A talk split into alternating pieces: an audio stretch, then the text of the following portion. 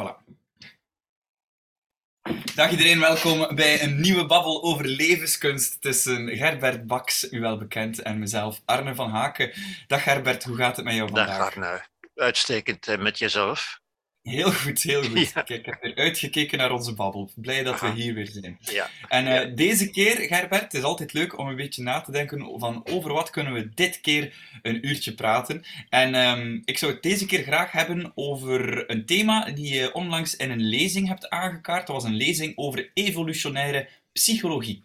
Ja. En um, dat, je begint die lezing, natuurlijk niet iedereen heeft die lezing gevolgd, um, maar voor de mensen die het gevolgd hebben zal het misschien ook wat dingen uitklaren en voor de anderen zal het een goede insteek zijn om wat te leren over levenskunst, maar dan vanuit uh, de evolutionaire psychologie bekeken. En je start je lezing, Gerbert, door te zeggen uh, dat... Um, dit het meest boeiende, fascinerende en meest alomvattende verhaal is uit de geschiedenis van het menselijk denken en het menselijke kennen. Ja. Dat is wel, ja, dat is, dat is wel, ja. Waarom is dat zo voor jou, eh, Gerbert? Ja, ja. Ja, waarom is dat zo?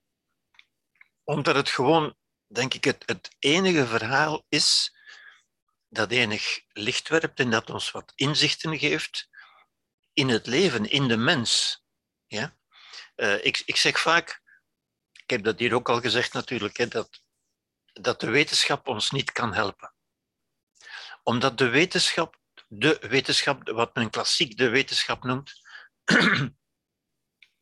is de logica van de dingen, gaat over dingen, over levenloze dingen. En over levenloze dingen kunnen we heel veel wetenschappelijk zeggen, omdat we dat kunnen meten en wegen en, en berekenen en in formules uitdrukken en zo verder. We kunnen de hele kosmos, uh, alle planeten uh, in, in, in, in formules uitdrukken. Mm-hmm. En dat is prachtig, dat geeft ons veel, veel plezier en veel inzicht in de dingen. Ja. Maar er is één ding, enfin, ding dit is geen ding, enfin, één, één, één, één gegeven, wil ik zeggen, dat er altijd aan ontsnapt. Ik heb het ook al vaak gezegd, en dat is de mens natuurlijk. Hè. Omdat de mens, als ik zeg dat het eraan ontsnapt, dat, dan bedoel ik daarmee dat we op geen enkele manier het gedrag van een mens kunnen voorspellen. En het enige wat ons wel helpt daarin, is van de mens te zien in een evolutionair gebeuren, dat wil zeggen in een, een ontwikkelingsverhaal dat, dat begonnen is al, al een miljard jaar na het begin van de aarde. Dat, is, dat wil dus zeggen 3,5 miljard jaar geleden. Dat is, dat is een hele poos. Dat is moeilijk voor te stellen uiteindelijk. En de mens is daar in grote mate, zou ik zeggen, het eindproduct van. Het is, het is een, een proces en over dat proces kunnen we misschien nog iets meer zeggen, als je wil, want dat is ook op zich eindeloos boeiend, maar toch ook nogal, nogal complex uiteindelijk. En toch ook in zekere zin eenvoudig. En de mens is daarin als eindproduct verschenen. De mens zoals we die nu kennen. Ja. Dat is één aspect. En, en het belangrijke aspect is dat we dus in grote mate gecreëerd zijn en daar dus geen invloed op hebben. We hebben bijvoorbeeld, om maar iets te zeggen, geen invloed op ons lichaam, hoe ons lichaam werkt, hoe ons hart en onze spijsvertering en onze maag. Dat hebben we gewoon te nemen, dat is voor ons gecreëerd. Ja? Maar er is toch ook een stuk dat we zelf kunnen creëren en waar dus levenskunst belangrijk wordt. En de, de scheiding, de, de watershed, zoals men in het Engels zegt, de, de scheiding tussen die twee, is juist wat ik de Cartesiaanse kloof heb genoemd. Ja? Omdat dat de scheiding is tussen ons lichaam als materieel ding, als materieel gegeven, ja? wat Descartes de het uitgebreide ding noemde, de uitgebreidheid, zeg maar de, de materialiteit, hè, dat, dat wat we kunnen tasten, hè, onze, onze handen en ons hoofd en ons, en ons lichaam enzovoort. Ja. De res extensa, ja. De res extensa, het, het uitgebreide ding wil dat letterlijk zeggen. En daarnaast het geestelijke ding, dat totaal onvatbare, dat immateriële, dat lichaamsloze, dat louter uit begrippen en informatie, en, en dat is een belangrijk idee natuurlijk, uit informatie bestaande ding. Ja? Ja. En tussen die twee stelde Descartes zich al de vraag, en, en zoveel mensen voor hem en nog zoveel mensen na hem, van hoe kan dat in hemelsnaam dat een niet-materieel iets toch een effect kan hebben op een materieel iets. Dat, dat, dat kan toch niet, dat is toch niet denkbaar. Ja.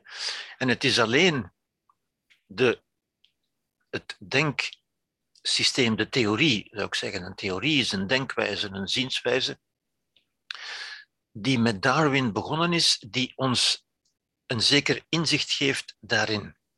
Ja. Hmm. In, in hoe dat hele, hele ding, dat, dat hele ding dan uh, in elkaar zit en hoe wij toch, alhoewel wij ook een materieel ding zijn en dus behoren tot de dingen, tot, tot, de, tot de dode dingen, tot de levende dingen, maar tot de dingen, hoe wij toch een zekere vrijheid hebben als mens, wat ons als mens ook uniek maakt, natuurlijk. Waardoor wij kunnen spreken van dingen als moraliteit en verantwoordelijkheid, bijvoorbeeld. Hoe kunnen wij verantwoordelijk zijn? Een dier is niet verantwoordelijk. Een dier brengen we ook niet voor de rechtbank. Een mens wel. We houden hem verantwoordelijk. Hij moet verantwoording afleggen over zijn daden. En dat is omdat hij ook een keuze had. Wat hij gedaan heeft, had hij ook niet kunnen doen. Bij dieren niet. Dieren hebben geen keuze, geen vrijheid en dus ook geen verantwoordelijkheid en geen moraliteit. De mens wel. De mens kan aangesproken worden op zijn gedrag van waarom heb je dat gedaan? Leg eens uit, verklaar dat eens. Ja. Jij wil zeggen dat door het verhaal van de evolutionaire psychologie, het verhaal van Darwin, dat we daar meer... Dat verklaart natuurlijk niet ons, ons gedrag, hè, want ehm, zoals je ook eerder... Allee, spreek me tegen als ik verkeerd ben, hè, maar je zei vroeger uh, in eerdere gesprekken al van, vergeleken met een steen, we zijn levende dingen, we zijn mensen. Um, ons gedrag heeft geen oorzaak, ons gedrag heeft een doel. En dat, dat maakt ons ook... Juist. Uh, onvoorspelbaar, niet voor we de wetenschap vatbaar. Maar dan Juist. bedoel je, nu door de evolutionaire psychologie krijgen we toch meer begrip voor hoe die Cartesiaanse kloof werkt in onszelf? Of is dat, hoe bedoel je precies? Ja, wel. Ja. En het, dat, dat doel is belangrijk. Het, het, het leven heeft een doel. Ja? Dingen, levenloze dingen, hebben geen doel. Die, en omdat ze geen doel hebben, ondergaan ze gewoon passief de krachten van de natuur, zou je kunnen zeggen. In een, in een zwaartekrachtveld vallen ze altijd naar beneden, naar de aarde. Ze hebben geen keuze, geen vrijheid. Dat is ook passief. Ja. Ja? Maar het leven, het leven in zijn algemeenheid, zowel het leven van dieren als van mensen, heeft een doel. Ja? En, en dat is bijzonder opmerkelijk. Want het leven, als, als we het leven als proces bekijken in die 3,5 miljard jaar, heeft het leven steeds meer orde gecreëerd. Ja? Het is steeds meer geordend, gestructureerd, complexer geworden. Het heeft zich opgebouwd, laag na laag, hè, geleidelijk aan. Is dat meer geperfectioneerd? Is dat, is dat ja, op een wonderenswaardige wijze gaan functioneren, zou je kunnen zeggen. Ja? En dus je, dat gaat eigenlijk in tegen de algemene wet van de tweede, de tweede wet van de thermodynamica, ja, die we ook kunt vaststellen. Ja. De tweede wet van de thermodynamica zegt de dingen evolueren altijd naar meer wanorde. Mhm. Ja? Dat, dat kun je ook vaststellen. Hè, als u in uw, in uw keuken een tijdje niet opruimt, wel, dan, dan raken de dingen door elkaar. Het wordt een wanorde. Ja. En dat gaat nooit omgekeerd. Je moet altijd energie spenderen om terug van die wanorde een orde te maken. Ja, dat is het principe van, van uh, entropie waarover ja, u spreekt. Inderdaad, Ja. inderdaad. Ja. Dus de entropie gaat altijd, stijgt altijd. Wa- Waardoor men spreekt van een entropiedood van het heelal. Ja? Dat geldt in, in de wetenschap, in de, in de, voor de dode dingen. Maar het leven gaat daar tegenin. hè. Zoals ik al eens gezegd heb, denk ik, je kunt, je kunt van een gebroken ei, van een omelet, kun je nooit meer een ei maken. Ja? Maar het leven kan dat wel. Het leven creëert uit wanorde terug orde. Als je die omelet voert aan een kip, wel, die kip maakt daar terug een ei van. En dat is eigenlijk het, het wonder van het leven. Hoe het leven creatief te werk gaat om orde te creëren. Een orde die steeds ordelijker wordt en die meer, meer die orde bouwt verder op zichzelf, zou je kunnen zeggen. Hè? Dat is ook een ingewikkeld idee waar we ook veel zouden kunnen over zeggen, maar, maar het zou ons een beetje te ver leiden. Ik vind, hier. Dat, zo, ik vind dat zo'n mooi helder voor, uh, anekdote, voorbeeld van, de, van dat ei en die kip. Omdat, ja. het, omdat het wel heel verstaanbaar maakt, want uiteindelijk is het wel een ingewikkeld eh, concept, die entropie. Want het doet je ook zo denken van, ja, Waarom, waarom, waarom val ik niet spontaan uiteen als Arne hier? Dat is omdat ik... Ja, ik, ja. ik, ik eet warmte uit, ik, ik eet, ik verwerk dat eten. Er, ik, ik, er ontstaat ook chaos rondom mij, zodat ik tezamen zou blijven als, als geheel. Juist, juist. Ja, ik, ik, vermijd ook een beetje het woord entropie, omdat niet iedereen dat goed uh, begrijpt. Maar het, het, begrip, het begrip orde is eigenlijk duidelijker. Ja, ja. Wij, wij maken, het leven maakt uit wanorde terug orde. Ja? Hmm. Als wij een ei breken en in de pan doen, creëren we eigenlijk orde. Verst, uh, wanorde, pardon, verstoren we de orde van dat ei. We, we creëren wanorde. Mhm. Maar een kip kan daar terug orde van maken. Ja, en dat is typisch voor, voor, voor al het leven uiteindelijk. Ja? ja? En het leven, zoals de levende wezens, voeden zich ook aan elkaar. Mhm. Wij eten de orde op die andere wezens al gemaakt hebben. Bijvoorbeeld planten. Planten zijn de enige wezens die uit louter minerale moleculen mhm. levende weefsels kunnen maken. Dat wil zeggen zeer complexe moleculen. En wij gebruiken in feite de arbeid die die planten geleverd hebben door de fotosynthese, onder invloed van de energie van de zon natuurlijk. Mhm. Wij als mens eten die moleculen op. En dat wil zeggen dat we de arbeid die die planten geleverd hebben, die moeten wij niet meer leven. Wij kunnen gewoon de vruchten, het resultaat van hun arbeid opeten. Ja. En daarmee hebben we ook die, die complexe orde, die informatie. Orde is informatie eigenlijk. Hè? Mm Dus we eten eigenlijk die informatie op en we maken dat en we bouwen daarop verder. Wij voeden ons aan die moleculen, maar ook aan de moleculen die gemaakt worden door, door dieren, door, door runderen en door schapen enzovoort, die wij ook opeten. ja? Mhm. Maar daarmee eten we eigenlijk die informatie op.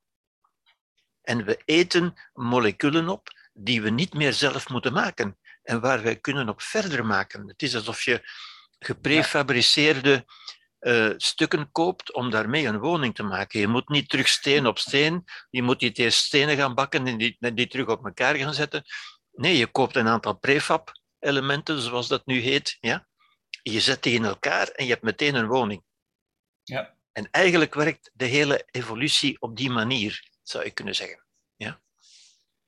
Ik, ik ga misschien een paar stapjes niet overslaan, maar ik vind het zo interessant om erop in te pikken dat ik mij afvraag. Ik zal het even inleiden. Dus in de plaats van, van ons beeld van er is een god en een creator, kwam ineens Darwin daar. 1859, The Origin of Species. We kunnen de wereld niet meer verklaren. Ja, we kunnen dat wel, als we dat willen geloven. Maar ineens was er een, een, een, een alternatief voor de god die echt een ingenieus plan heeft en allemaal. En ineens is daar uh, Darwin, die zegt van uh, evolutie gebeurt op uh, blinde wijze, zonder doel of sturing, in de plaats van een god die weet wat hij doet. Um, maar dan vraag ik mij nu af, door wat dat jij nu zegt, hè, nu komt mijn vraag, van blijkbaar streeft leven altijd naar orde, hè, meer, meer en meer naar orde. Zouden wij daar iets van kunnen uit leren? aan de andere kant van onze Cartesiaanse kloof, alles gebeurt automatisch. We hebben behoefte om te eten en, en ons, ons lichaam in stand te houden en te reproduceren, meer leven te maken. Kunnen wij daar lessen uit leren als mens? Alleen een soort van ethisch, ethische les uittrekken van we moeten die orde verder scheppen? Dat is wat de evolutie ons vertelt? Of is het toch volledig blind? Uh, de evolutie is, is blind. omdat er geen dat er geen maker is. Er is niemand die dat vooraf bedacht heeft. Ah, het heeft niet te maken met de richting of zo. Die, die, toch wel, toch, toch, wel, toch wel. En dat is een beetje het complexe natuurlijk. Hè? Maar die, richting, die richting is ontstaan in de evolutie. Die is niet bedoeld. Er is geen maker die dat vooraf bedacht heeft en gedacht heeft, ik ga dat zo en zo in elkaar steken. Het is inderdaad op een blinde wijze ontstaan. Hmm. Richard Dawkins, een van de grote denkers, heeft dat bekende boek geschreven, The Blind Watchmaker, de blinde horlogemaker. Ja. Het is alsof een horloge ontstaan is door een blinde horlogemaker. Ja? Mhm. Het is blind eigenlijk. Maar er is een doel ontstaan uit de logica van de evolutie zelf. Zonder dat iemand dat bedoeld heeft. En dat is het, het, het, het idee dat, dat een beetje moeilijk te vatten is. Ja? Mhm. Wij denken altijd van, inderdaad, als er zo'n een doelgerichtheid is, dan moet er ook iemand zijn die dat doel daarin gelegd heeft. En dat is klassiek God natuurlijk. Hè. Maar mhm. met, met God, het idee van God, daarmee verklaren we niks natuurlijk. Hè. Want je kunt altijd zeggen, ja, het is zo omdat God het zo gewild heeft. Hè. Waarom loopt de mens op twee benen en, en niet op vier? Ja, God heeft dat gewild. Punt. Ja, je zegt het zo mooi, dingen verklaren door te geloven in God, is iets dat je niet begrijpt verklaren door iets waar je nog minder van begrijpt. ja, inderdaad, inderdaad. Inderdaad. Dus dan haal je het mysterie erbij natuurlijk en, en de mirakels. En daarmee kun je alles aanvaarden, maar je hebt niks begrepen in feite. En het, grote, het grote inzicht, het kolossale inzicht van, van Darwin, is dat hij dat blinde proces, dat hij begrepen heeft dat dat blinde proces toch een doelmatigheid met zich meebrengt. Ja? En wat is die doelmatigheid of die doelgerichtheid? Wel, dat is eigenlijk merkwaardig genoeg alleen maar het onderhouden van zichzelf. Het is zijn eigen. Ja? Het leven wil leven. En die wil tot leven. Ja? En ik, ik, ik sta daar even bij stil. En ik, ik zeg ook heel vaak, en dat moeten we ook begrijpen, die wil tot leven, die stellen we in onszelf vast. Dat we zeggen, dat is geen persoonlijke keuze. Bij de geboorte of ergens daarna zeggen we niet van wil ik leven of wil ik niet leven. Nee, we stellen vast, we voelen, we merken die wil tot leven, die we overigens ook zien bij alles wat leeft. Mhm. Alles wat leeft, van het kleinste, zelfs planten, doen alles om te overleven. Ja. ja? En dat is, dat is de logica van de evolutie zelf. Niemand mhm. heeft dat daarin gelegd. Nee. En toch zit dat erin. En dat, volgt ja, dat, is, dat is niet noodzakelijk een bewuste wel, want dat gaat ook over het fenomeen pijn ervaren. Waarom, Juist, ja. waarom, waarom neem ik geen mes en zit ik nu met mijn darmen rond te slingeren? Omdat ik weet dat ik pijn voel, ik wil dit in stand houden. Ook dat is de wil tot leven, bedoel je dan? Absoluut, niet absoluut. in ons zitten om... Ja, oké. Ja, absoluut, absoluut. En om, om terug te komen op wat je daarnet zei, want ik, ik vind dat een heel goede vraag. Kunnen we er iets van leren? Is dat, geeft dat betekenis aan ons leven en is dat een betekenis die wij kunnen, kunnen begrijpen en overnemen eventueel? Ja? En als ik nu zeg betekenis, dan ben ik al meteen over de, de Cartesiaanse kloof gesprongen. Want betekenis is een immaterieel iets ja, dat heeft geen materiële materialiteit. Ja. Maar wat betekent, het is iets wat wij creëren. Voor mij is dat belangrijk. En dus we kunnen die wil tot leven in onszelf vaststellen, maar we kunnen die ook, wij als mens, kunnen die ook bewust gaan onderhouden en bevorderen, zou je zeggen. Ja? ja. En dan kun je begrijpen, ik denk, dat als we erover nadenken, dat we dat wat wij, heel in het algemeen, wat wij als mens, ik heb het nu over de mens, hè, het goede noemen, wat wij het goede noemen, is altijd wat gaat in de richting van het leven, wat levensbevorderend is. Ja. ja? Bijvoorbeeld, zeg maar iets heel voor de hand liggend. Hè. Waarom wil je een relatie hebben? Wel, je wil je binden aan iemand van het andere geslacht. Ja? En dat voelt voor ons goed aan, dat voelen wij als het goede. Ja. En je wil kinderen hebben, en dat noemen wij het goede, dat is toch goed? Ja? Waarom ervaren we dat als goed? Wel, omdat dat gaat in de richting van het voortzetten van het leven. Ja, het ultieme doel is Ja, die ja, tot leven. Inderdaad, inderdaad. Het ultieme doel is niet van plezier te hebben, maar toevallig is het zo, dat is natuurlijk niet toevallig. Ja. We, we stellen gewoon vast dat we die dingen aangenaam vinden en goed vinden die gaan in de richting van het leven. Ja. Waarom? Omgekeerd. Waarom eh, zeggen we dat je niet mag vermoorden, dat je niemand mag vermoorden? En waarom vinden we de oorlog in Oekraïne een, een, een gruwel? Wel, omdat daar leven vernietigd wordt. Ja. En het vernietigen van het leven, al wat ingaat, gaat in tegen het leven. En dat is wat we als het kwade ervaren ook. Hè. We, we gruwen daarvan. We zeggen dat kan toch niet? Dat kan toch Mhm. niet goed zijn? En nee, dat is Mhm. niet goed. Want Mhm. daar wordt vernietigd. Daar wordt leven vernietigd. Daar worden ook de, de structuren vernietigd, de gebouwen bijvoorbeeld, die de mens gemaakt heeft. Nu, je kunt zien, een gebouw is ook een soort orde. Mhm. Dat is geen een hoop stenen, dat is geen chaos, dat is orde. Ja? Zoals elke kunst eigenlijk orde is. Hè? De mens creëert orde. De mens is zelf orde, maar creëert ook orde. Kunst Mhm. en cultuur is orde. En dat vinden wij goed. Als het in de zin van het leven gaat, in de zin van meer orde. En het kwade is altijd wat ingaat tegen, die, eh, tegen het leven. Dus wat weer wanorde creëert. Wat dingen, Ja. destructie, wat, wat dingen kapot maakt. Ook het Ja. leven ook natuurlijk, wat, wat mensen kapot maakt, maar ook wat, wat cultuur kapot maakt. Ja. Ja? Dus ik denk dat we daar wel degelijk een, een, een betekenis en een zin voor onszelf kunnen inzien. Ja? Want ook wij zijn daar uiteindelijk deel van. Is dit, dan, is, dit dan bij is dit dan de basis voor ethiek bijna? Gewoon van de vaststelling van die wil tot leven, wat dient het leven? Ik, ik Ehm, denk het of- wel. Ik denk Ja. het wel. Ik denk het wel. Ja?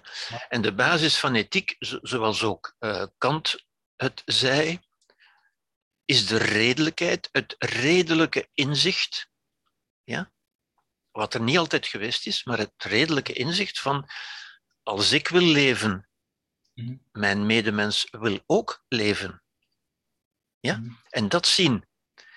Als ik wil dat mijn leven behouden blijft en kan voortgaan, wel, dan moet ik mij zo gedragen dat het leven van die ander ook kan voortgaan. Want ik zou niet willen dat hij mijn leven Mhm. eh, eh, wegneemt, maar dan mag ik ook zijn leven niet wegnemen. Ja? Ja. En dus het is, het is, het is het inzicht dat het goede voor jou, dat, dat je eigenlijk niet bijzonder bent, zou ik zeggen. Ja? Ja. Het goede voor mij moet tegelijk het goede voor de ander zijn. Ja, ja. Ja? Als ik voor mij een uitzondering maak, dan moet ik die ook van de ander aanvaarden. Ik kan niet zeggen, jij mag mij niet doden, maar ik mag jou wel doden. Dat, dat houdt geen steek natuurlijk. Hè? En het, het- dat is gewoon die redelijkheid, die denk ik teruggaat, gebaseerd is op die wil tot leven die in ons aanwezig is. Die wil tot leven en tot goed leven natuurlijk. Hè? Tot, tot, tot wat men het goede leven noemt, wat wij gelukkig leven, leven Ja. zouden noemen. Ja. En eigenlijk alles waar wij naar streven, ook als je bijvoorbeeld de, de zogenaamde behoeftepyramide van Maslow bekijkt, ja, die eigenlijk een piramide is van de, van de verlangens in de mens die wij vaststellen, dan kun je eigenlijk stuk voor stuk zeggen, al die verlangens, al die zogenaamde behoeftes, ik- noem dat liever verlangens, die strevingen eigenlijk, waar elke mens naar streeft, dat stellen we gewoon in ons vast. En dat, is gewoon, dat zijn gewoon uitingen van de wil tot leven, tot Ja. overleven. En daar is natuurlijk wel een eh, spanningsveld, want dan zeg je de wil tot leven, uiteraard. Het ultieme doel is het leven voortzetten van Ja. de evolutie. Eh, maar dan de wil tot goed leven impliceert natuurlijk wel dat je die reden nodig hebt. Want zoals je zegt van, eh, in je vorig voorbeeld, waarom wil je een partner? Ehm, dat voelt plezierig. Hè? En je, wil, je voelt, dat voelt goed. En het ultieme doel van het leven is daarmee allee, behaalt, je zal daarmee dan een, een kind maken, eh, waarschijnlijk. Maar natuurlijk, dat is niet meteen een recept voor een goed leven, want anders zouden we misschien iedereen die we aantrekkelijk vinden bespringen, zo heel veel in ons leven kunnen uh, kapot maken. Uh, want misschien heb je een, een, monogame relatie, maar dan denk je van ja, hey, oh, ik voel toch die, die wil tot leven. Ik, ik zag een aantrekkelijk uh, vrouwtje passeren en uh, ik wou daar een kind mee maken. Ja. Dus dat is niet meteen een synoniem voor de wil tot goed leven, natuurlijk dan. Eigenlijk wel. Oké. Okay. Want dat is ook wat we zien bij dieren. Mhm. Dieren doen dat inderdaad zo. Ja? En dat is louter de wil tot leven, zou je kunnen zeggen. Bij dieren heeft dat ook geen morele dimensie, want dieren kunnen niet anders. Maar de mens kan wel anders. Ja? En de mens kan weer redelijk gaan denken. Wil En- dat dan zeggen, want dat is zo interessant, hè? dat vind ik nu zo boeiend. Hè? Wil dat dan zeggen dat we hier te maken hebben met een, een cultureel bepaalde structuur, namelijk het huwelijk, monogame relaties? Eh, want vanuit evolutionaire logica zijnde ehm, hebben we meerdere, zouden we meerdere partners eh, hebben. Of hebben we de wil om gewoon het leven op zoveel mogelijk manieren met verschillende partners verder eh, te zetten. Is dat, is dat dan de conclusie? Ehm, ik, ik begrijp je vraag niet helemaal. Wel, dat, ik zei van het voorbeeld van, ehm, dat is inderdaad de wil tot leven, daarnaar luisteren, hè, van bijvoorbeeld met een andere partner eh, een kind maken, maar dat is niet meteen ehm, de wil tot een goed leven daarmee eh, akkoord gaan. Allee, snap je wat ik wil zeggen? De wil tot een goed Ja. leven volgen, Ja. want net doordat ik vreemd zou gaan, of, of dat er iemand een, een kind zou maken met een andere partner, krijg je in je eigen leven heel veel miserie.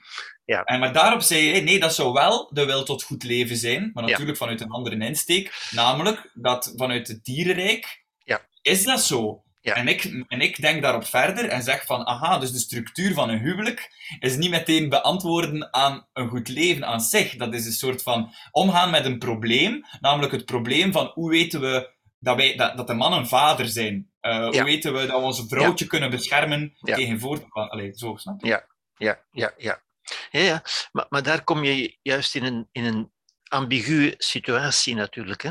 Het, het is altijd de wil tot leven. En dat zie je ook bij dieren. En bij dieren zie je ook in de meeste gevallen, om te beginnen zijn er weinig dieren die monogaam zijn. Het is bijna uitzonderlijk. Ja. En je ziet heel vaak dat een mannetje verschillende wijfjes, verschillende vrouwtjes onder zich heeft. En die ook bewaakt en die ook als, als, als zijn bezit bijna beschouwt.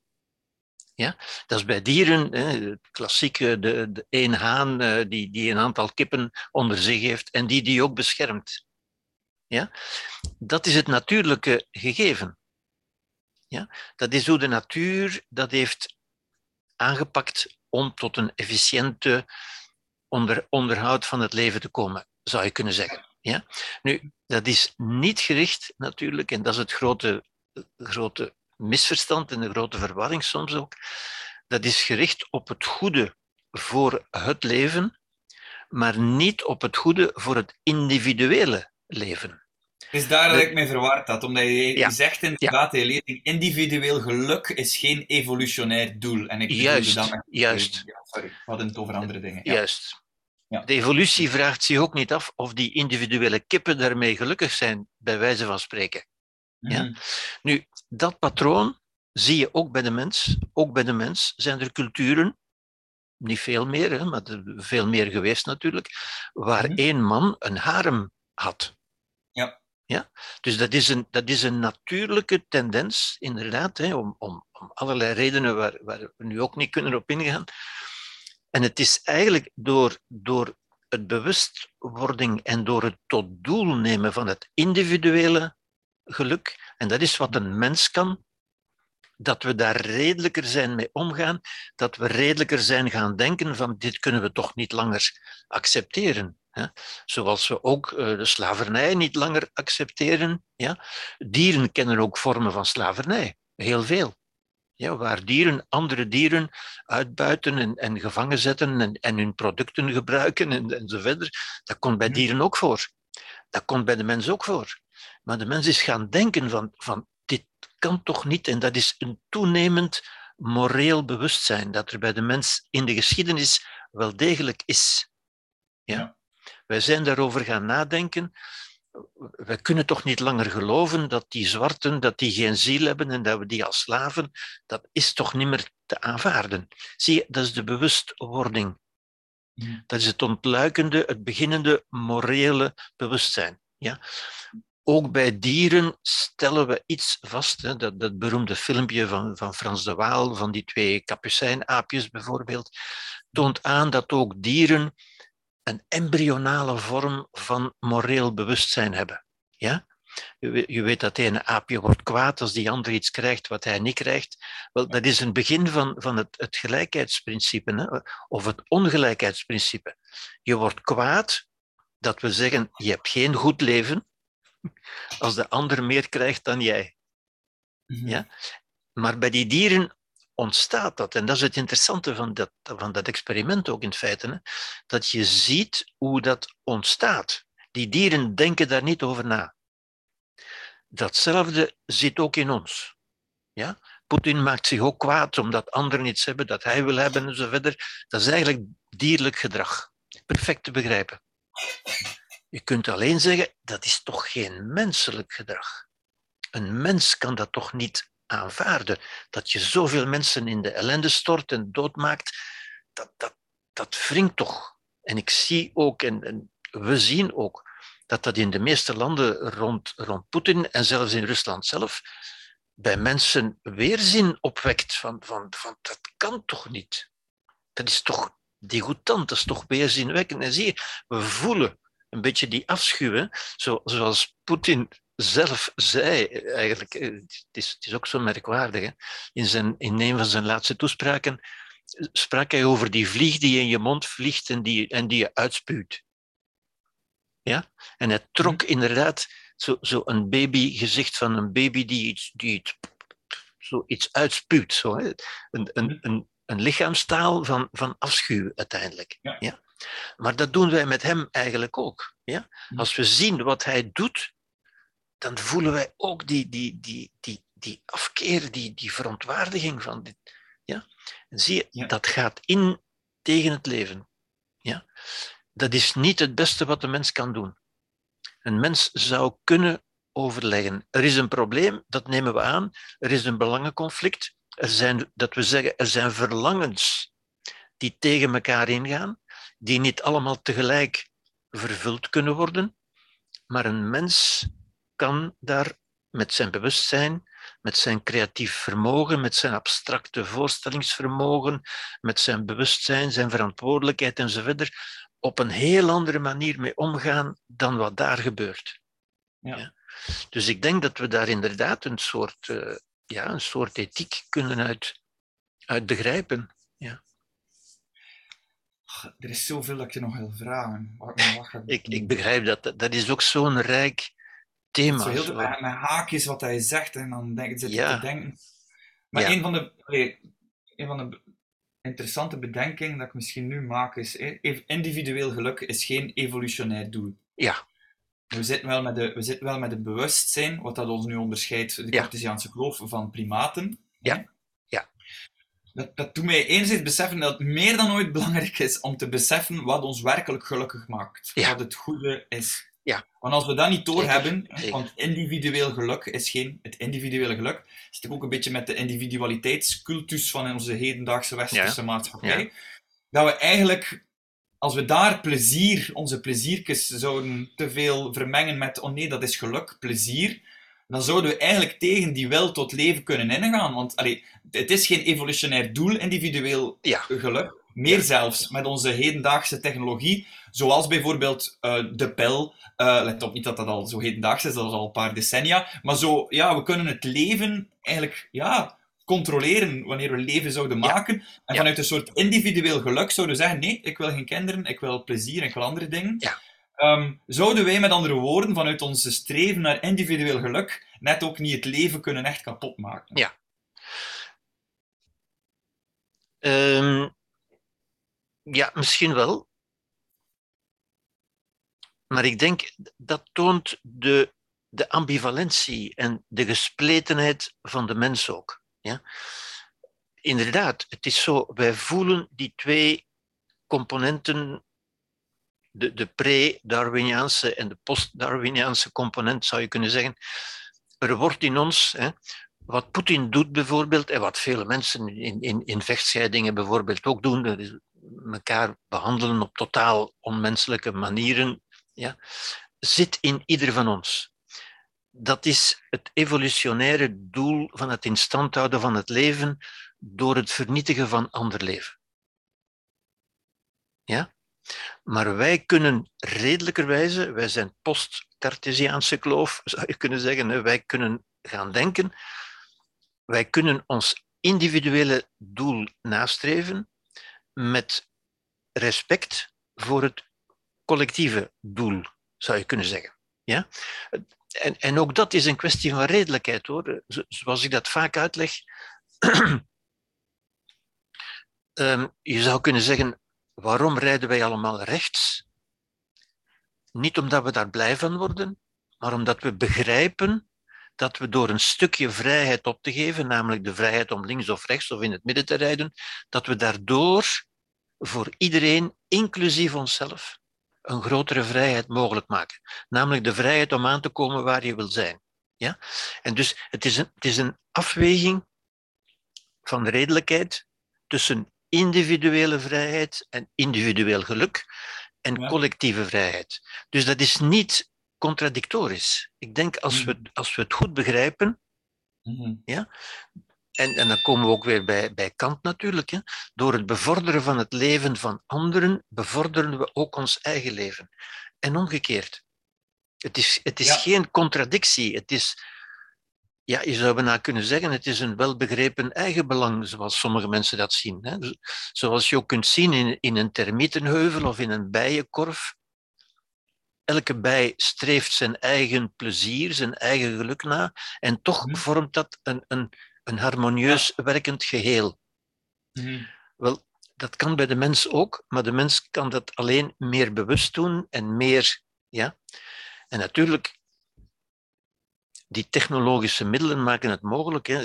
Je ziet natuurlijk, het probleem van Poetin is niet zozeer dat hij, dat hij, dat hij een barbaar is of een, of een psychopaat volgens sommigen, maar dat hij over zoveel macht en zoveel wapens beschikt. Dat is eigenlijk het probleem. ja waardoor hij zoveel onheil kan aanrichten, in feite. Ja. Ja? Moest hij enkel zijn zwarte gordel judo tot zijn beschikking hebben, dan zouden we allemaal zo bang ja, ja, inderdaad. Inderdaad, ja. Inderdaad. En dat hij zoveel mensen, jonge mensen, in zijn leger de dood kan insturen en in het andere leger van het leven kan benemen. En dat is toch, dat is toch, dat, dat, dat, dat wekt toch onze afkeer. Dat, kunnen we toch niet. Ja? Ja, nu, je hebt, on, je hebt onlangs ook geschreven ergens, um, als je het goede doet, dan is dat altijd voor, zowel voor jezelf als voor de ander. Als je het licht aansteekt voor de ander, heb je zelf ook licht en omgekeerd. Weer zo'n heel mooi, simpel voorbeeld waarmee dat je het eigenlijk uh, samenvat. Hè? Ja, inderdaad, dat klopt. En, en daarom, ik, ik vind ook die, die vaak gestelde vraag, van, van, die, die morele vraag, die mensen zichzelf ook stelden natuurlijk. Hè. Doe ik dat nu voor mezelf of doe ik dat voor de ander? Ik vind dat eigenlijk een, een, een nutteloze en bijna zelfs een, een zinloze vraag. Want als mhm. je, ik denk als je het goede doet voor het leven, ja, je bent zelf ook deel van het leven. Dan doe je ook iets goeds voor jezelf. Ja. ja? En omgekeerd, als je, als je van de samenleving dingen weghoudt door, door bijvoorbeeld je hele fortuin voor jezelf te houden en geen belastingen te betalen enzovoort, wel, dan maak je iedereen ongelukkiger. En daar kun je mhm. zelf toch ook niet gelukkig mee zijn. Ja? Mm. Zou er om terug te keren naar eh, evolutionaire psychologie en gewoon de, de ontwikkeling van het, van het leven uh, te zien, van eencelligen tot wat we nu zijn. Ik vind dat, een moe dat, dat is toch zo contra-intuïtief te denken dat er geen, geen doel, allee, op zich, ja. dat het op zich blind is, omdat ik zit niet te denken, we zitten achter die Cartesiaanse kloof, we weten van, ja, dat komt door onze neofrontale, uh, prefrontale cortex en ineens is er iets ontstaan bewustzijn, waar we nog altijd, denk ik, niet zoveel van... Net zoals hij zegt, van, we weten niet hoe dat het immateriële het materiële kan sturen, hoe ik beslis om een glas... Ik denk aan, ik wil drinken, en nu doe ik het. Dus dat is nog altijd niet wetenschappelijk heel duidelijk. Ja. Ehm, dus daar zit het mysterie van het leven. Hè? Het beleven van wauw, het is een wonder. En daar zitten we daar weer, want dan zit ik ook wel weer allee, te denken aan wat hij zegt. Dingen verklaren door te geloven in een god is iets, is iets dat je niet begrijpt, verklaren door iets wat Ja. je nog minder begrijpt. Maar dan zit ik ook te denken, dan zit ik ook te denken, ja, we moeten het niet willen eh, verklaren door iets wat, wat we nog minder begrijpen, maar we moeten wel aanvaarden dat we, als we het wonder van het leven, allee, als we het wonder van het leven willen ervaren, dan moeten we het ook niet per se willen verklaren. En dat is misschien een beetje Ja. het gevaar door, Ja. die, door die evolutionaire psychologie, door alles Ja. te willen... Ja, Daar zit ik zo wat vast aan, in een Cartesiaanse kloof. Zo, ja. ja, Ja. Ik, ik, ik begrijp dat. En dat, dat. dat is ook allemaal zo interessant om over na te denken. En, en ook daar levert de evolutionaire, het evolutionaire denken toch interessante antwoorden. Ja? Ah. Want waarom zijn we gekomen tot het idee van er moet iemand achter zitten? En dat, dat universele idee, ja? men noemt dat onze Agency Detection Module, onze, onze module, ja? waarmee, wij, waarmee, waarmee wij door de evolutie uitgerust zijn en die erin bestaat. En dat was een bijzonder nuttig, dat is nog altijd nuttig overigens, ja? Ehm, een nuttige app zou je kunnen zeggen, die in onze computer is geïnstalleerd. Ja? Zodra wij iets zien, ja, u moet zich voorstellen als je in de natuur bent, ja? waar, waar je weet dat er voortdurend gevaar is, dat er voortdurend roofdieren enzovoort, ja? zodra bepaalde bladen op een bepaalde manier gaan ritselen, denk je, daar zit iets achter. Zie je? Zodra er iets gebeurt dat een beetje buiten het gewone, buiten het voorspelbare, het vertrouwde valt, denken wij, daar zit iemand achter. Een bijzonder nuttige, ja? want dat is vaak waar. En zelfs als het niet waar is, dan zijn we een beetje bang geweest, maar we leven nog. Ja, ja, ja. In het andere geval, als je niet genoeg bang bent, dan ben je er gewoon meer. Ja. Versta je? Ja, ja. Dus dat is weer de ijzeren logica van de evolutie. Ja. Maar datzelfde maakt dat als wij naar de hele natuur kijken, dat, we, dat we die intuïtie hebben van al die, al die voorspelbare cyclussen, eh, de seizoenen en zo verder. Dat kan toch geen toeval zijn? Daar moet toch iemand achter zitten? Oké, En, ja, en dan zijn we meteen ook bij ons hedendaagse denken. Hè? Eh, het Mhm. feit dat, eh, dat 5G-masten zijn binnengekomen en dat er tegelijk een coronavirus is gekomen, eh, dat kan toch geen toeval zijn? Daar zit iemand achter. Zie je? Ja. Het complotdenken. Ja, ja, ja. ja, Het ja, complotdenken is zowel het religieuze denken, het religieuze denken is het ultieme complotdenken. Hè? Van, van dat kan geen toeval zijn, daar moet iemand achter zitten. Wat uitermate nuttig was in de natuur, Ja. maar wat ons op, op, op dwaalsporen en op het verkeerde been kan zetten in de cultuur waarin we nu leven. Ja? Mhm. Dat wil niet zeggen dat er, dat er nooit achter iets iemand achter zit. Maar zie je, dat is weer het afwegen, dat is weer de redelijkheid. En je noemt dat de Agency Detection Module. Module.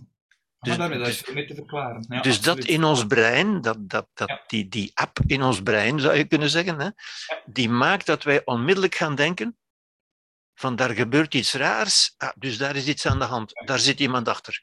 Oké, dus dat, dat, is, dat is nu duidelijk. Hè? Dat is, ik snap, dat is een heel waardevol inzicht. Ja. Daarom dat we nog altijd overleven, omdat we direct op zoek gaan naar van wie zit daarachter, wie zit er in Absoluut, absoluut, We absoluut. weten nu dat dat, dus, dat dat dus niet per se een grote maker is die daarachter zit.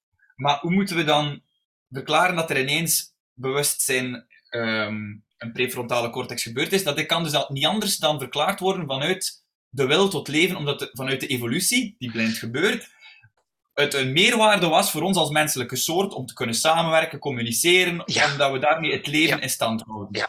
Ja, ja, ja, absoluut, absoluut, absoluut. Tot- tot- verder kunnen we niet gaan met dat verhaal van verklaren of een doel hebben. Het heeft altijd de wil tot leven als. Ja, Ja, Ja, de, het, het, het vermogen om samen te werken is al ontstaan bij de dieren. Je ziet dat Mhm. wolven bijvoorbeeld, eh, die, die jagen samen en vele dieren jagen samen. Bij de mens is dat alleen ontzaglijk toegenomen door onze taal, door onze communicatiemogelijkheden. Ja? Mhm. Waardoor wij mensen verhalen kunnen vertellen, waardoor ze erin gaan geloven en met ons willen samenwerken. Ja?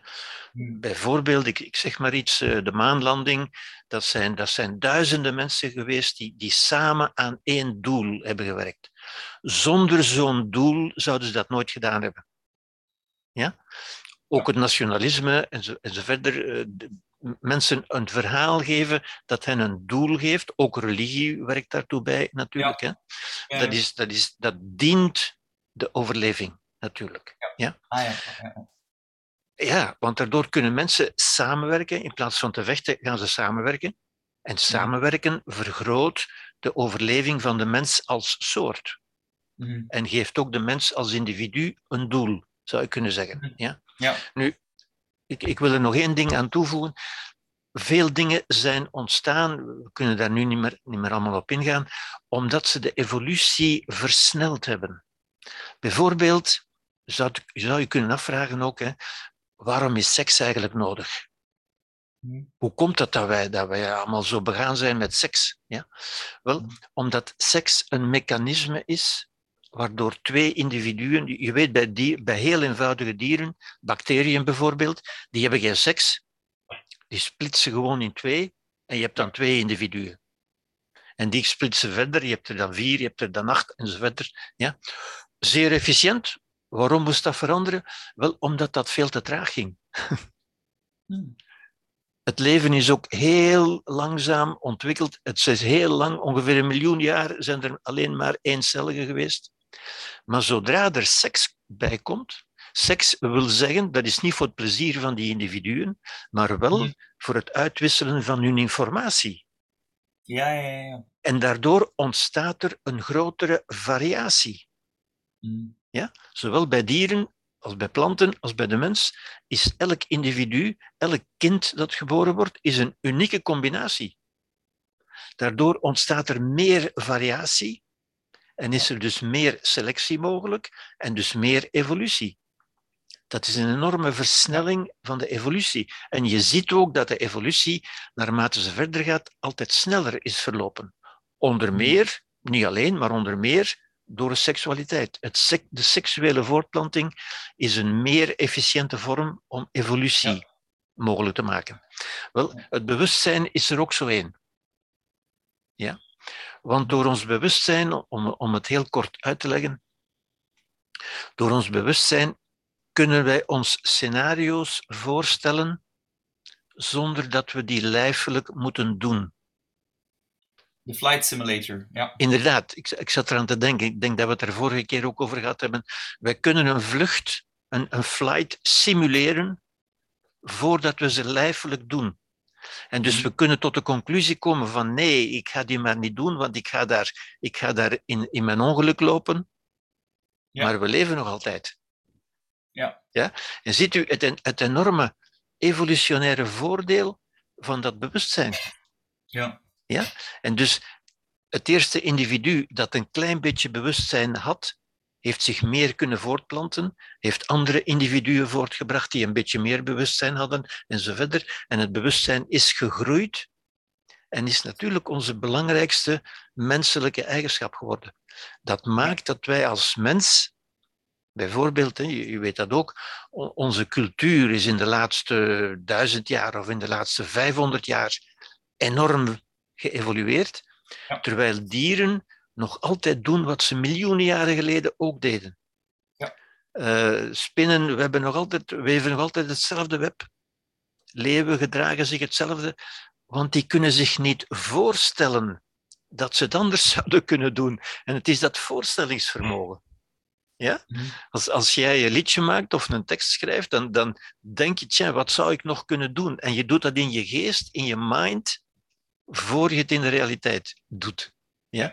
Je hoort het als het ware in je, in je geest, in je bewustzijn. Ja? Mhm. En je zegt daar al van, ja, dat gaat goed zijn of nee, dat gaat niet goed zijn. En, je, en je, de selectie gebeurt daar, in je bewustzijn. Soms wou ik toch dat ik gewoon een vogel was. Hè. Dat ik niet moest over nadenken en een prachtig lied, omdat ik het Ja. gewoon... Ja, Ja. ja. dat begrijp ik. Dat begrijp ik. dat begrijp ik. Dat ik niet uren per dag moest oefenen met de gitaar en mijn stem cultiveren, maar dat ik gewoon dat mijn pure natuur was. Ja, dat begrijp ik, dat begrijp ik. Want enerzijds heb je natuurlijk het enorme voordeel dat je kunt oefenen en dat, dat je kunt leren dus. Hè. Je, kunt je, je kunt je vaardigheden vergroten, wat geen enkel dier kan. Hè. Wees daar goed van bewust. Hè. Dat is iets enorms wat de mens kan. Wij kunnen andere talen leren, wij kunnen muziekinstrumenten leren bespelen. Dat is ongelooflijk wat we allemaal kunnen leren. Terwijl een dier, een dier kan een paar dingen leren, maar dat is, dat is zoals ik altijd zeg, peanuts uiteindelijk. Ja. ja. Maar je hebt gelijk, enfin, je hebt, ja, je hebt gelijk in die, in die zin dat we met dat ongelooflijke creatieve instrument en dat ongelooflijke voorstellingsinstrument onszelf ook ongelooflijk ongelukkig kunnen maken. En dat is een beetje de prijs die we daarvoor betalen, denk ik. Hè? Ja? Uh, je, je, kunt ook, je, jij, jij, maakt nu liedjes en, en teksten, je bent daarmee bezig, en, maar andere mensen zijn bezig met wapens te maken. En datzelfde, datzelfde creatieve vermogen kunnen we, kunnen we gebruiken om creatieve wapens te maken. Ja. Die thermonucleaire bommen die, die Poetin nu, uh, dat, is, dat, is, dat is ongelooflijk technologisch verfijnd en, en uitgedacht. Ja? Maar het dient natuurlijk een verderfelijk doel, zou ik zeggen. Ja. ja. Maar dat is, het, dat is la condition humaine, dat is het menselijke mogelijkheden, dat we dat instrument, dat ongelooflijke instrument, we kunnen ons daar gelukkig mee maken, maar we kunnen ons ook bijzonder ongelukkig maken. En we kunnen het ook anderen bijzonder moeilijk maken. En, en ja, dat zien we ook in de, in de geschiedenis. Ja. Ja. Wat ik ook zo wonderlijk interessant vind aan uh, jouw lezing over evolutionaire psychologie, is dat je in het begin ook al duidelijk maakt dat er een verband is tussen de ontwikkeling van de mensheid als geheel uh, en de individuele ontwikkeling van de mens. Want je zegt ook, wij dragen eigenlijk al die ja. stappen in de evolutie ook in ons als, als individu. En we doorlopen die, die, die ook. Um, ja. En vandaar, allee, is het oké, okay, uh, Gerbert, als we nog tien minuutjes langer doorgaan dan normaal? Of, of, uh, ja, doe maar, ja, doe maar, doe maar. Ja, ja, Het, is, het is waarschijnlijk een vraag die niet in een... Uh, maar ik zit zo te denken, oké, als er een verband is tussen de ontwikkeling van de mensheid als geheel, van eencelligen naar, ehm, en dan nu zijn we mensen met bewustzijn, ook in de individuele ontwikkeling van de mens. We zijn baby's, we willen alleen maar overleven, de warmte van ons moeder voelen, eten, maken dat we eh, slapen. En nu, er is ook een individuele Cartesiaanse kloof. Het moment, zeg je, wanneer dat kind beseft, vanuit eigen redeneren, bijvoorbeeld, Sinterklaas bestaat niet. En wanneer een kind, of een, ja, een kind eigenlijk, dat, dat dat individueel tot, tot zich kan nemen, conclusies trekken, dan zit hij eigenlijk zo aan de individuele Cartesiaanse kloof.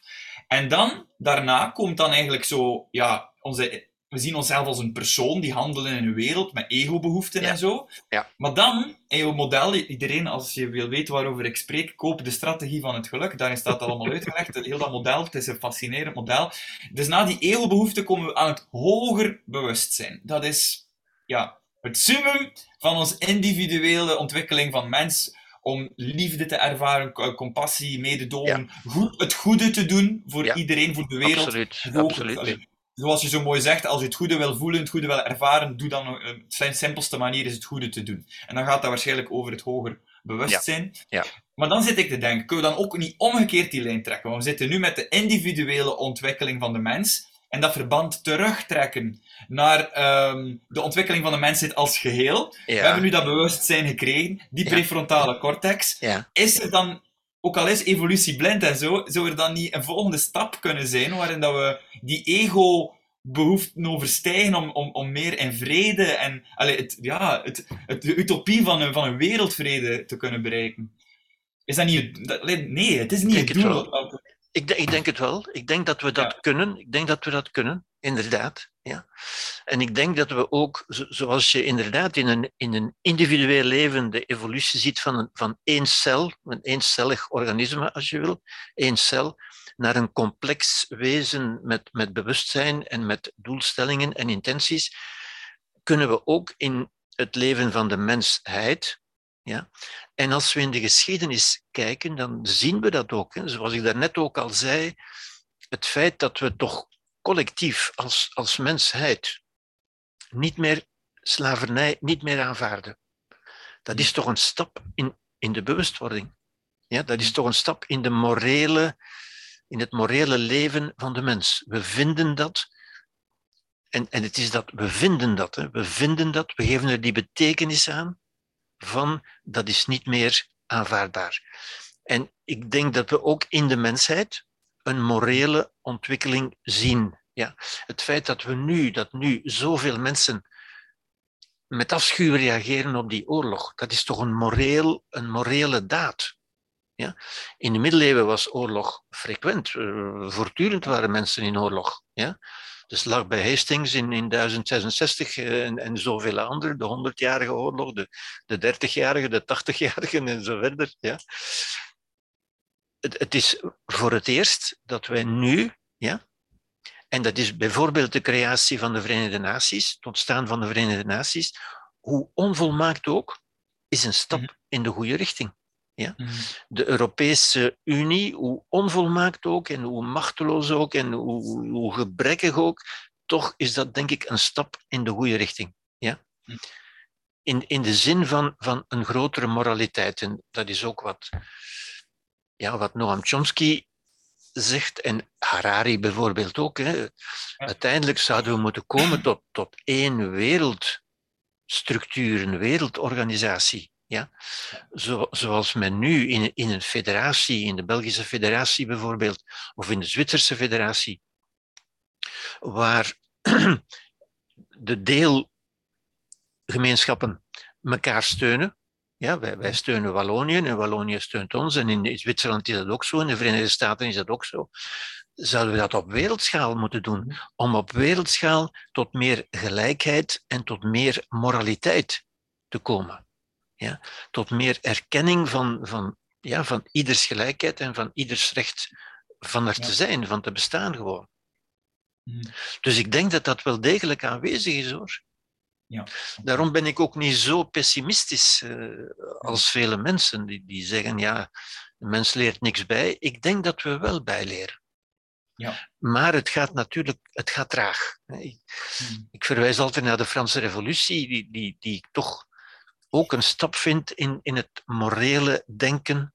Ja? Voor, voorheen was er het ancien regime met de koning die, die alles kon beslissen, die ook alles in bezit had en zo lijfeigenschappen en, en, en slavernij uiteindelijk, het ancien regime. Ja? Op een bepaald moment is men toch gaan zeggen van, van dit kunnen we toch niet meer aanvaarden. Ja? En is die Franse revolutie eigenlijk gekomen?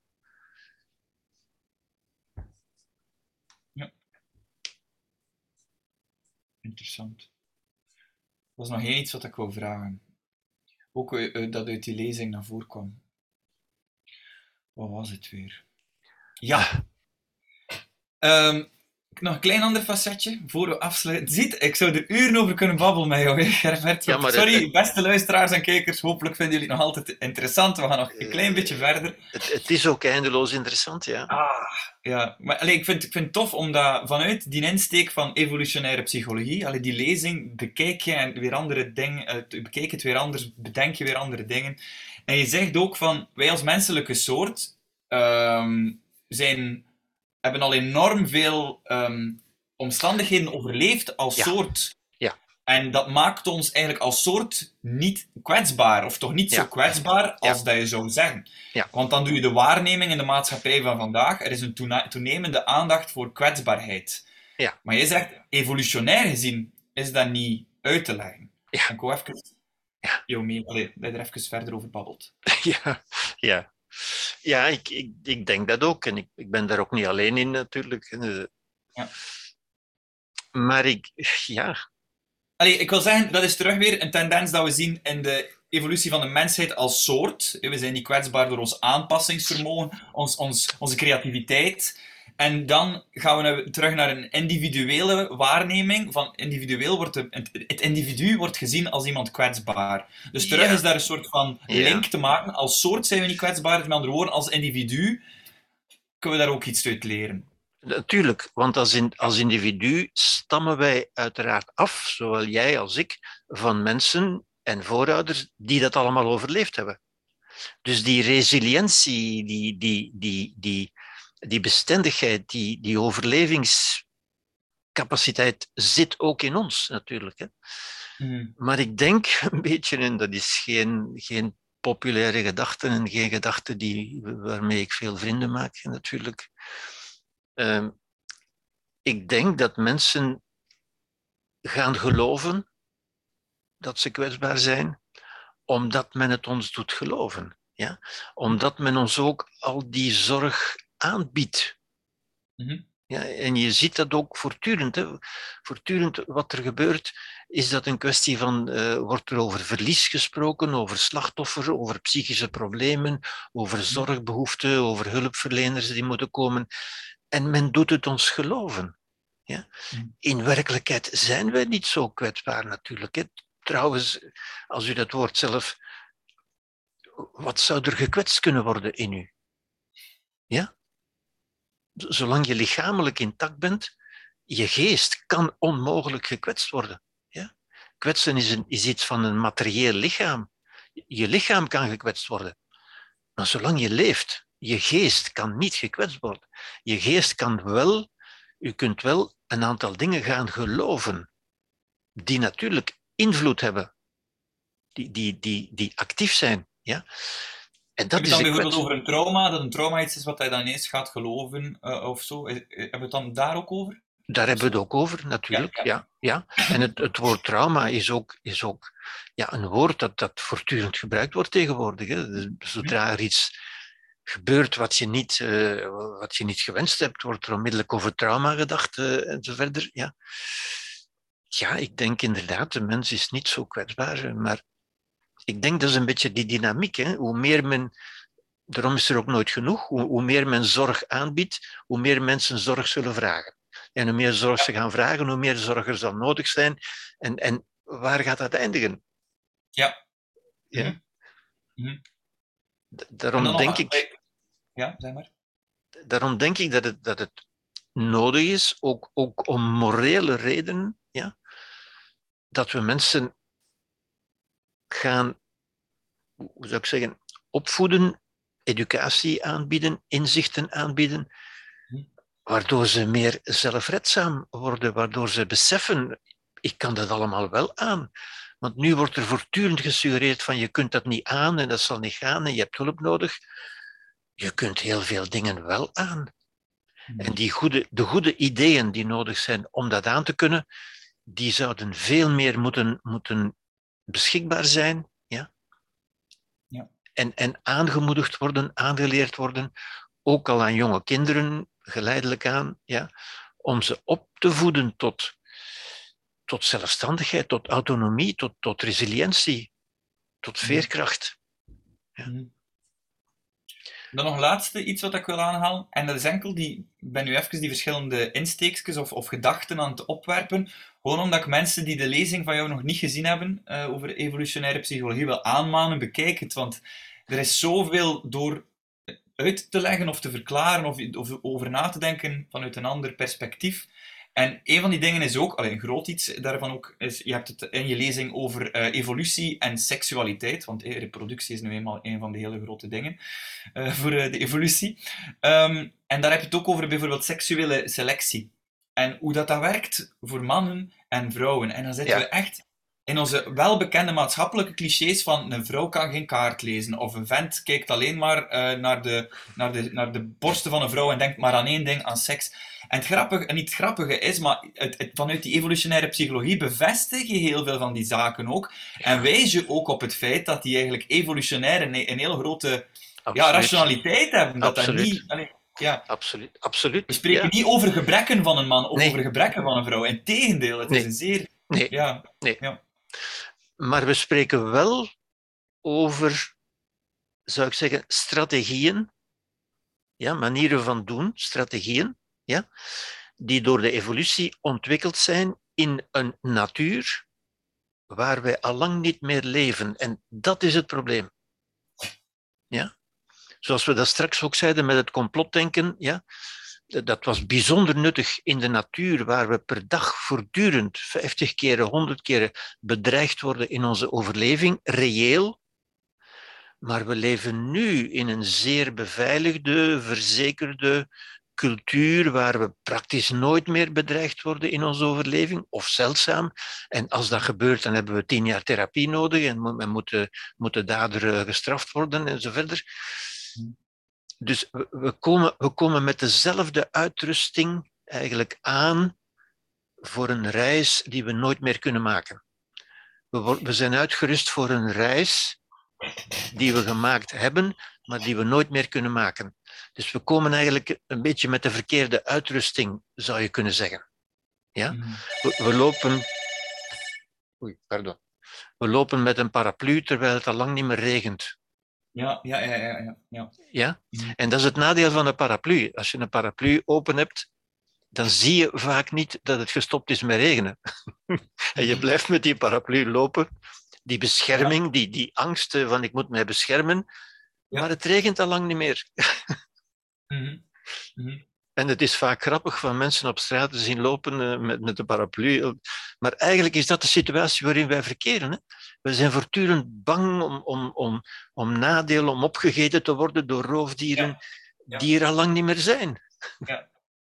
En, maar, en dat vind ik ook zo interessant, want inderdaad, we kunnen dan tot de realisatie komen via onze reden van eigenlijk die paraplu is niet nodig, maar we hebben natuurlijk wel die evolutionaire tendens in ons van ons te beschermen of van ons op die, die oude, volgens het oude avontuur uh, in het leven te begeven. En, en, en door jouw lezing besef ik ook van, amai, um, allee, wanneer iemand zegt bijvoorbeeld, ah, ik kies toch altijd voor de foute venten of zo. En dan ja. dan, dat, dat, dat, dat, schept ook mildheid, omdat je zo zou denken van, er scheelt niks met jou, maar ergens vanuit een het ultieme doel, de wil tot leven, doe je de juiste dingen. Alleen is het in, in deze maatschappij, uh, ja, ja. Zo... Ik denk, overigens, als ik dat hoor, en ik hoor dat ook vaak natuurlijk, hè, ja? ik denk dat die kiezen voor de juiste mensen, maar op een verkeerd moment. Hoe bedoel je, verklaar? Wel, dat wat vroeger de goede venten waren, hè, die, die, die seksueel heel actief waren en die konden vechten en strijden enzovoort, ja. dat zijn niet de mannen die we nu nog nodig hebben. Ja? ja? Nu hebben we mannen nodig die veel meer, ja, zoals ik zou zeggen, ik zeg het niet graag, maar zo is het toch, die veel meer vrouwelijke waarden mm -hmm. Aannemen dan die mannelijke waarden. Die mannelijke waarden zijn, waren evolutionair voordelig, maar zijn dat nu veel minder geworden. Terwijl vrouwen zich minder hebben moeten aanpassen, want de zorg voor kinderen, voor, voor jongen, voor het, voor het broed, dat is nog altijd even actueel. Ja? Vrouwen kunnen nog altijd perfect hun, hun, hun grote vaardigheden in communicatie, in, in, in taal, in, in zorg enzovoort, dat is niet veel veranderd. Maar de mannelijke eh, waarden, de mannelijke vaardigheden die nodig waren in het prehistorische tijdperk, in de natuur waar wij ontstaan zijn, die mhm. zijn nu niet meer nodig. Ja. ja. Dat is zo interessant, hè. ja, maar nee, want we zitten inderdaad met een maatschappelijk narratief van hey, die vrouwelijke waarden worden belangrijker. En, en, zelfs met, met dingen zoals MeToo en allemaal wordt dat ook van we moeten mannen op, opvoeden voor, voor op te zorgen. En, en, maar, dan begrijp je ook dat dat nooit zal weggaan.